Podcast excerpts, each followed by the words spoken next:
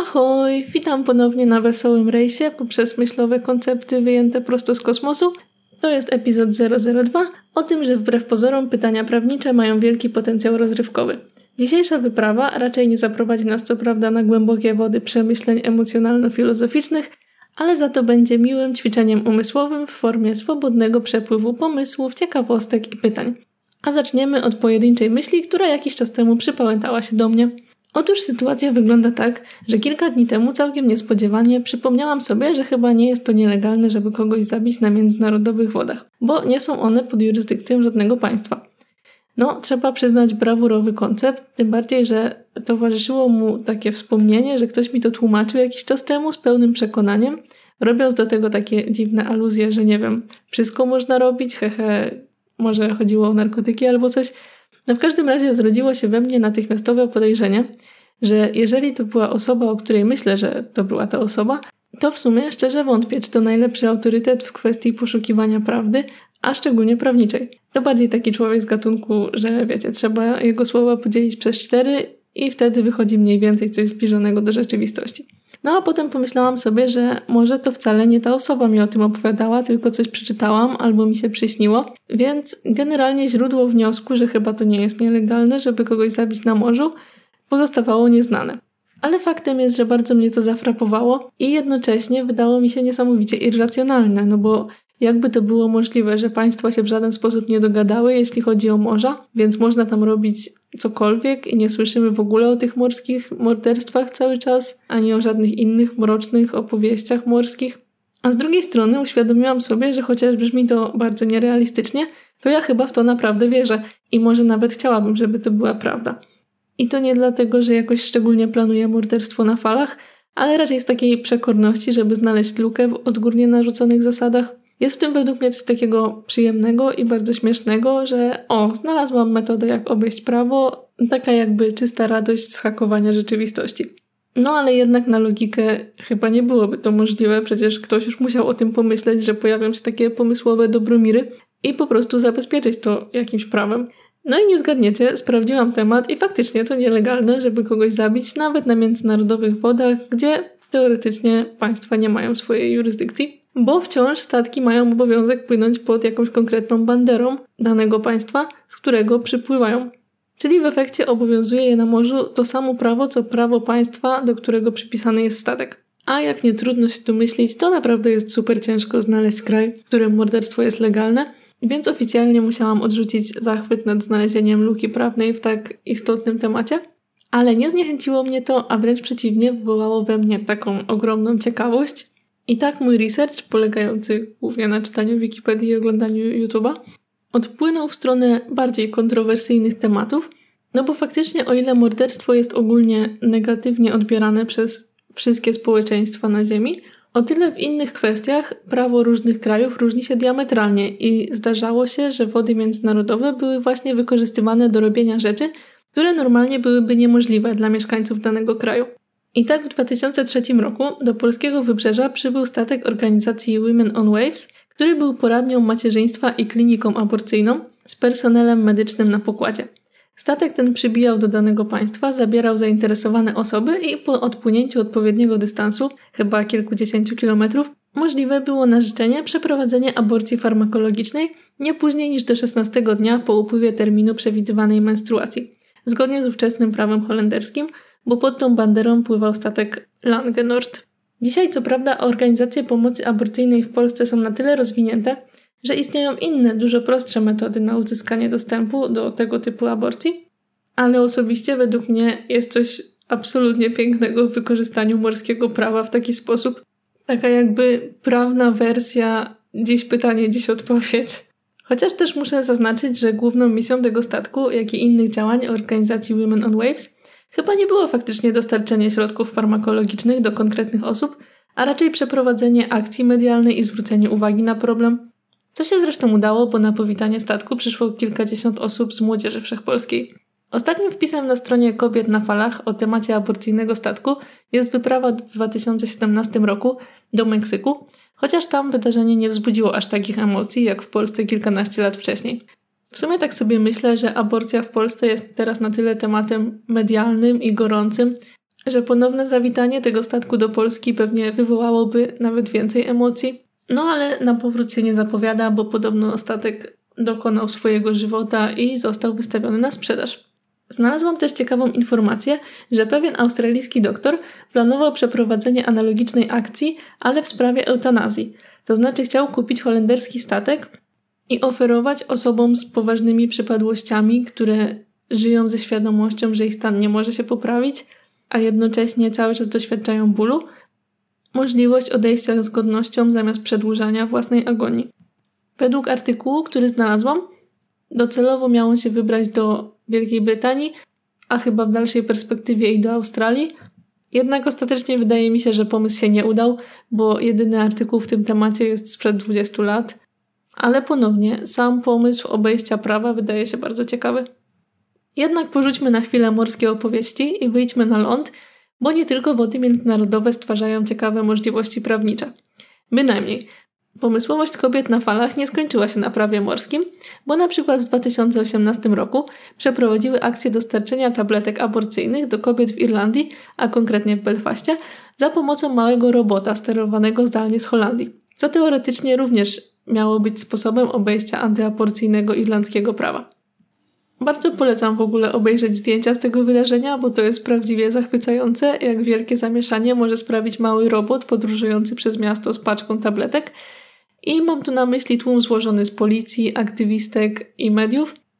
Spoiler, ostatecznie robot został przechwycony przez policję, ale akcja i tak się udała, bo kobiety na falach wysłały zasadniczo dwa roboty. Jeden, na którym skupiała się uwaga wszystkich zainteresowanych, i drugi wędrujący gdzieś opłotkami w sekrecie, który faktycznie dotarł do celu. Innym kreatywnym pomysłem tej samej organizacji było użycie dronów. Ale dobrze, zostawmy zabiegi medyczne i wróćmy do prawdziwych zabójstw dorosłych ludzi przez dorosłych ludzi, bo mam dla Was kilka obszarów, które mogą zaoferować nam przynajmniej niejasne konsekwencje prawnicze w wypadku takiego wydarzenia jak morderstwo. I chyba najbardziej znanym z takich miejsc na Ziemi jest prostokątny pas Ziemi o powierzchni prawie 130 km2, który znajduje się w Stanach Zjednoczonych na terenie stanu Idaho, a należy do Parku Narodowego Yellowstone. To urokliwe miejsce nazywane jest Zone of Death z powodu luki prawnej, według której teoretycznie można by tam popełnić jakiekolwiek przestępstwo bez konsekwencji. Bardzo polecam sobie wyszukać mapę tego obszaru, bo prawdopodobnie nawet moje najlepsze tłumaczenie tamtejszej topografii terenu nie będzie tak obrazowe, jak po prostu zobaczenie granic, o których chcę powiedzieć. Bowiem cała rzecz polega na tym, że znaczna większość parku Yellowstone leży na terenie stanu Wyoming a w sensie prawnym temu stanowi podlega całość parku, także te stosunkowo małe obszary, które leżą de facto na terenie stanów sąsiadujących, czyli właśnie wspomniany pas w Idaho i obszar w Montanie.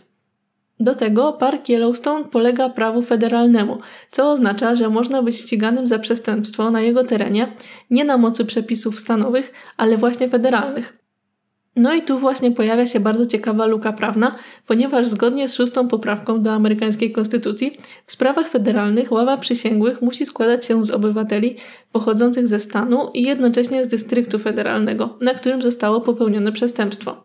Czyli w sytuacji, gdy wydarzy się morderstwo w parku Yellowstone, ale w części leżącej w stanie Wyoming, Ława przysięgłych po prostu musi się składać z osób mieszkających w Wyoming, czyli wiadomo, są miasta, tam są ludzie, no trzeba dodać fakty. Ale w przypadku wspomnianej strefy śmierci, osoby te musiałyby być jednocześnie zamieszkałe w stanie Idaho i podlegające pod jurysdykcję stanu Wyoming. Czyli jedyną możliwością są osoby pochodzące właśnie z tego pasa parku Yellowstone i tylko z tego pasa parku Yellowstone, ponieważ nie ma innego miejsca, które spełniałoby oba te założenia. A cała rzecz polega na tym, że tam nie ma ludzi. Po prostu nikt tam nie mieszka. Zero, nul, tylko drzewa i bizony. No także wiadomo, w wypadku specjalnego zaproszenia do tego urokliwego miejsca, oczywiście należałoby się dobrze zastanowić. Ale na pocieszenie, gdyby wydarzyło się jakieś porwanie albo inna forma zmuszenia kogoś do przejechania do tego miejsca, ta czynność już w pełni podlegałaby prawu, no bo wydarzyłaby się poza tym obszarem. Co ciekawe, odkrycie strefy śmierci zostało dokonane przez pana Briana Kalta, który jako profesor prawa teoretyzował nad miejscem, w którym niemożliwe byłoby zebranie ławy przysięgłych, a tym samym przeprowadzenie sprawy sądowej. A później odkrył, że takie miejsce faktycznie istnieje. W 2005 roku opublikował artykuł naukowy o tytule The Perfect Crime, czyli zbrodnia idealna, chcąc zwrócić uwagę na ten problem, opisując właśnie przypadek parku Yellowstone. Ale pomimo usilnych starań nawiązywania kontaktu z rządem, sytuacja do dnia dzisiejszego się nie zmieniła, także dopóki ktoś tam faktycznie kogoś innego nie zabije i luka nie będzie musiała być załatana, pozostaje to naprawdę ciekawym miejscem do fantazjowania o zbrodniczym życiu. Kontynuując naszą wesołą, krwawą podróż poprzez lądy, morza, oceany, chciałabym Was teraz zaprosić do miejsc zwanych Terra Nullius, czyli takich bardzo ciekawych kawałków lądu, które nie należą do nikogo.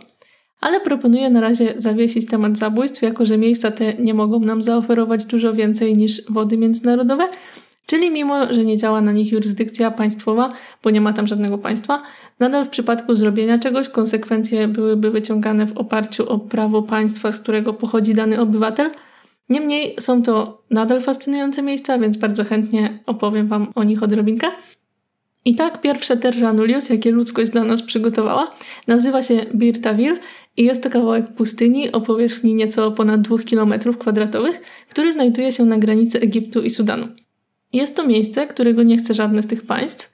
A dlaczego? Otóż granica ta, jak to w ogóle afrykańskie granice, została wytyczona przez elegancko ubranych panów z Europy w czasach kolonialnych i tak w 1899 roku porozumieniu między Wielką Brytanią a Egiptem Sudan został opisany jako terytoria na południe od 22 równoleżnika szerokości geograficznej. Czyli po prostu urzędnicy imperium wzięli sobie mapę, rozłożyli przed sobą i stwierdzili: O, tu narysuję linię i będzie granica. Fajnie.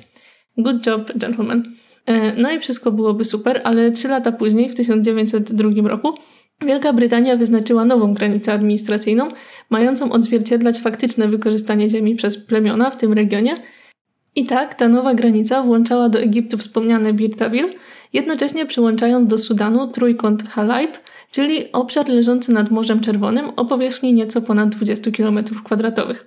Efektem wyznaczenia dwóch różnych granic jest bardzo ciekawa sytuacja, w której oba państwa wybierają rościć sobie prawa do tego trójkąta Halaib, jednocześnie zrzekając się dużo mniej atrakcyjnego obszaru Birtaville. Czyli de facto oba państwa powołują się na tę granicę, która jest dla nich bardziej korzystna. I tutaj ponownie polecam zobaczenie mapy, jeżeli to, co mówię, nie jest do końca jasne. Chodzi po prostu o to, że trójkąt Halaib jest dużo bardziej atrakcyjnym miejscem ze względu na istniejącą tam infrastrukturę, ze względu na dostęp do morza, no i właśnie tą powierzchnię, która jest 10 razy większa. W efekcie Birtaville jest ziemią niczyją, ponieważ jeżeli któreś z państw by zechciało włączyć je do swoich terytoriów, to drugie użyłoby tego na swoją korzyść w temacie tego bardziej pożądanego kawałka ziemi. I ja wiem, to może kusić, żeby na szybkości namalować na prześcieradle nową y, flagę i pojechać z nią podbić to miejsce, po drodze wymyślając nazwę dla swojego kraju, ale jak dotychczas żadna z prób zawłaszczenia Birtaville nie została jakoś szczególnie uznana przez międzynarodową opinię publiczną, chociaż faktycznie takie próby się odbyły. Ale przypominam, że to nadal pustynia, na której w lato temperatury sięgają 45 stopni, więc jak dla mnie zdecydowanie nie wchodzi do top 10 wymarzonych miejsc do podbicia. Ale co innego już Liberlandia, czyli bardzo podobne, niezbyt chciane miejsce na granicy Chorwacji i Serbii. W tym przypadku dwie granice wynikają ze zmian ukształtowania terenu, to znaczy pierwotnie dwa wspomniane państwa rozdzielała rzeka Danube, ale na przestrzeni lat jej bieg się zmienił i obecnie nie bardzo wiadomo, do kogo należą ziemie pomiędzy pierwotną granicą, a tym jak rzeka wygląda obecnie. I w efekcie stworzyły się takie swego rodzaju kieszenie ziemi, do których prawa roszczą sobie oba państwa, ale przez to powstało również jedno miejsce o powierzchni 7 km2, które tak jak w przypadku wspomnianego wcześniej Birtaville, jest niejako odrzucone zarówno przez Chorwację, jak i Serbię. W 2015 roku czeski polityk i aktywista Wit y, Jedliczka wykorzystał tę sytuację i postanowił stworzyć w tym miejscu wolne państwo o nazwie Liberlandia. Ostatecznie państwo to na arenie międzynarodowej zostało uznane chyba głównie jako żart, ale na miejscu doszło nawet do zakazu wjazdu y, w to miejsce dla twórcy tego rzekomego państwa ze strony chorwackiej. A co może nawet ciekawsze, y, miejsce Liberlandia na Google Maps ma ocenę 4,8 i bardzo dużo pochlebnych komentarzy, wśród których zdarzają się prawdziwe poematy chwalące wolność i swobodę obywatelską. Chociaż moim prywatnie ulubionym komentarzem jest ocena 1 na 5 gwiazdek pana Shahid Shahid, która nie została opatrzona komentarzem tekstowym, ale za to jest tam zdjęcie pana Shahida trzymającego się za głowę. I tak już prawie dobiegając do końca podróży po niczyich ziemskich y, miejscóweczkach, zapraszam w bardzo egzotyczne, mroźne miejsce, czyli na Antarktydę. Jak tak sobie popatrzymy na mapę terytorialną tego miejsca, to trzeba przyznać, że wygląda to naprawdę interesująco, bo wszystkie granice zaczynają się w jednym punkcie, czyli jak łatwo się domyślić na biegunie południowym, i rozchodzą promieniście.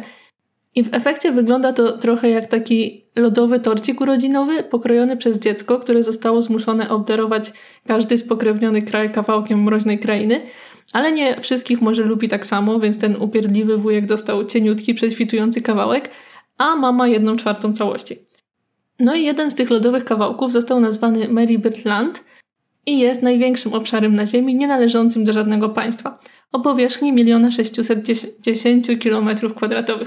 Niestety, jak już ustaliliśmy wcześniej, również na Antarktydzie dosięgnie nas prawo państwa, z którego przybywamy, na co dowodem niech będzie e, wspaniała historyjka z ubiegłego stulecia o rosyjskich naukowcach.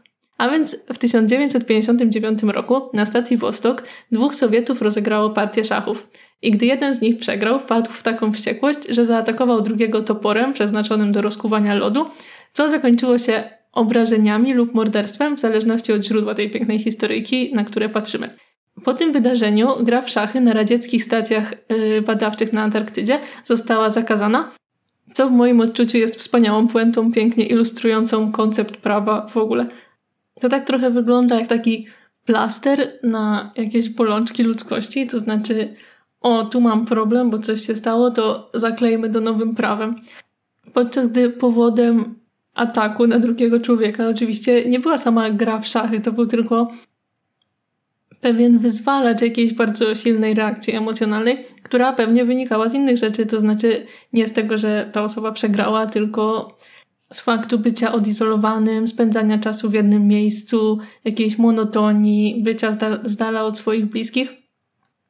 I prawdopodobnie to by się stało również przy jakiejś innej grze. Chociaż w sumie wersja, że to właśnie szachy mają taką negatywną moc wpływania na ludzi, wydaje mi się dużo bardziej zabawna. I może nie ma co tu robić jakichś wielkich analiz psychologiczno-prawniczych, tylko po prostu zostawić to jako ciekawą historyjkę.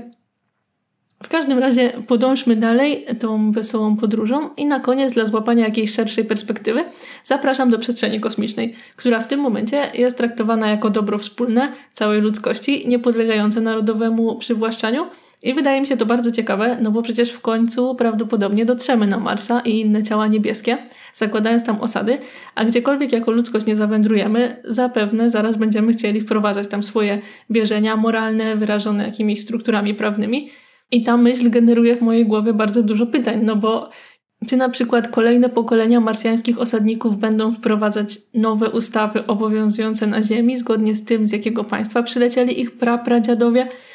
Czy może raczej zaczną sami decydować o tym, jakie zasady panują w państwie Mars, dziwiąc się jak niezwykle Ziemia jest rozdrobniona granicami? Czy może na Marsie powstaną nowe państwa, które z kolei będą mieć między sobą granice i wszystko powtórzy się znowu, tak jak na Ziemi, tylko w innym miejscu? Wyobrażam sobie taką scenkę dziejącą się w przyszłości na czerwonej planecie, że marsjańska rodzina siada do kolacji i w pewnym momencie małe marsjańskie dziecko mówi, że o, dzisiaj w szkole nauczyciel mówił o tym, że na Ziemi są takie linie oddzielające jednych ludzi od innych ludzi. I rodzice by wtedy tak spojrzeli po sobie z takim wyrazem twarzy, że o kurde, zaraz trzeba będzie wytłumaczyć jakąś niewygodną część historii. I jak to dziecko by zapytało, po co właściwie ludzie na Ziemi mają te linie, myślę, że ja bym najchętniej odpowiedziała słowami norweskiego podróżnika Tora Heyerdarla. Granice nigdy żadnej nie widziałem, ale słyszałem, że istnieją w umysłach niektórych ludzi. I faktycznie myślę sobie, że granice są jak prawo i wiele innych bytów abstrakcyjnych, czyli istnieją tylko tak długo i aż tak długo, jak wszyscy w nie wierzymy. I dopóki tak jest, trzymam się tego, co powiedziałam na początku tego epizodu, czyli że w celu rozrywki intelektualnej narzucone odgórnie ograniczenia są wyjątkowo dobrym źródłem poszukiwań sposobów ich obejścia. Nawet jeśli z punktu widzenia kosmosu oczywiście nie ma to żadnego znaczenia, jak zresztą większość rzeczy, które robimy. Dobra, o co mi chodzi? Bo w waszych głowach może się pojawić takie przemyślenie, że no fajne to są wszystko rzeczy, ale tak w sumie to po co w ogóle o tym myśleć? I w sumie ja tu nie mam jakiegoś definitywnego powodu, czy jednoznacznej deklaracji, czy warto, czy nie warto się tym zajmować. Ja tylko chciałam się podzielić swoją własną, pewną taką dziecięcą ciekawością, która we mnie siedzi i zmusza mnie do zadawania sobie takich pytań. A co jeśli? Wszędzie tam, gdzie, gdzie pojawiają się ograniczenia i zasady narzucone odgórnie. Ja po prostu znajduję w tym osobiście wielką radość do rozkminiania kolejnych konceptów, które mogę deformować i analizować, i sprawia mi to po prostu przyjemność, i z tego powodu myślę, że prawo jest niezwykle zabawnym konceptem, a przynajmniej ma pewien potencjał rozrywkowy, jeśli tylko pozwoli się temu wewnętrznemu dziecku zawładnąć nami na chwilę. No bo to właśnie ograniczenia zmuszają nas do kreatywności, to cztery zamknięte ściany każą nam spojrzeć w innym kierunku i sprawdzić, czy pudełko nie jest otwarte od góry. I można by spokojnie tę myśl rozszerzyć poza prawo, ale również zaaplikować do takich zasad uniwersalnych, jakie myślimy, że istnieją. To znaczy, no właśnie ograniczenia na przykład wynikające z fizyki zmuszają nas do prób przekroczenia tych ograniczeń. Pewne granice poznania inspirują nas do zadawania pytań, o, a może jeszcze tak o jeden centymetr da się przesunąć. I tak przesuwamy i przesuwamy te różne granice, zarówno fizyczne, społeczne, kulturowe. I tak sobie płyniemy w tym wszystkim jako ludzkość, kminiąc, a co by tu jeszcze powymyślać. Ja, jak widzicie, doszłam w tej historii do Marsa, ale przecież Mars to dopiero początek. Czy dalej będziemy dzielić kosmos, gdy spotkamy inne formy życia? A co jeśli te formy życia nie będą miały tendencji przywłaszczania sobie terenu? Czy wtedy przywłaszczymy sobie też kosmitów jako takie zwierzęta? A może to właśnie kosmici zajęli wszystko dookoła nas, zostawiając Ziemię i okolice jako taki poligon doświadczalny przeznaczony na obserwację rozwoju gatunku Homo sapiens?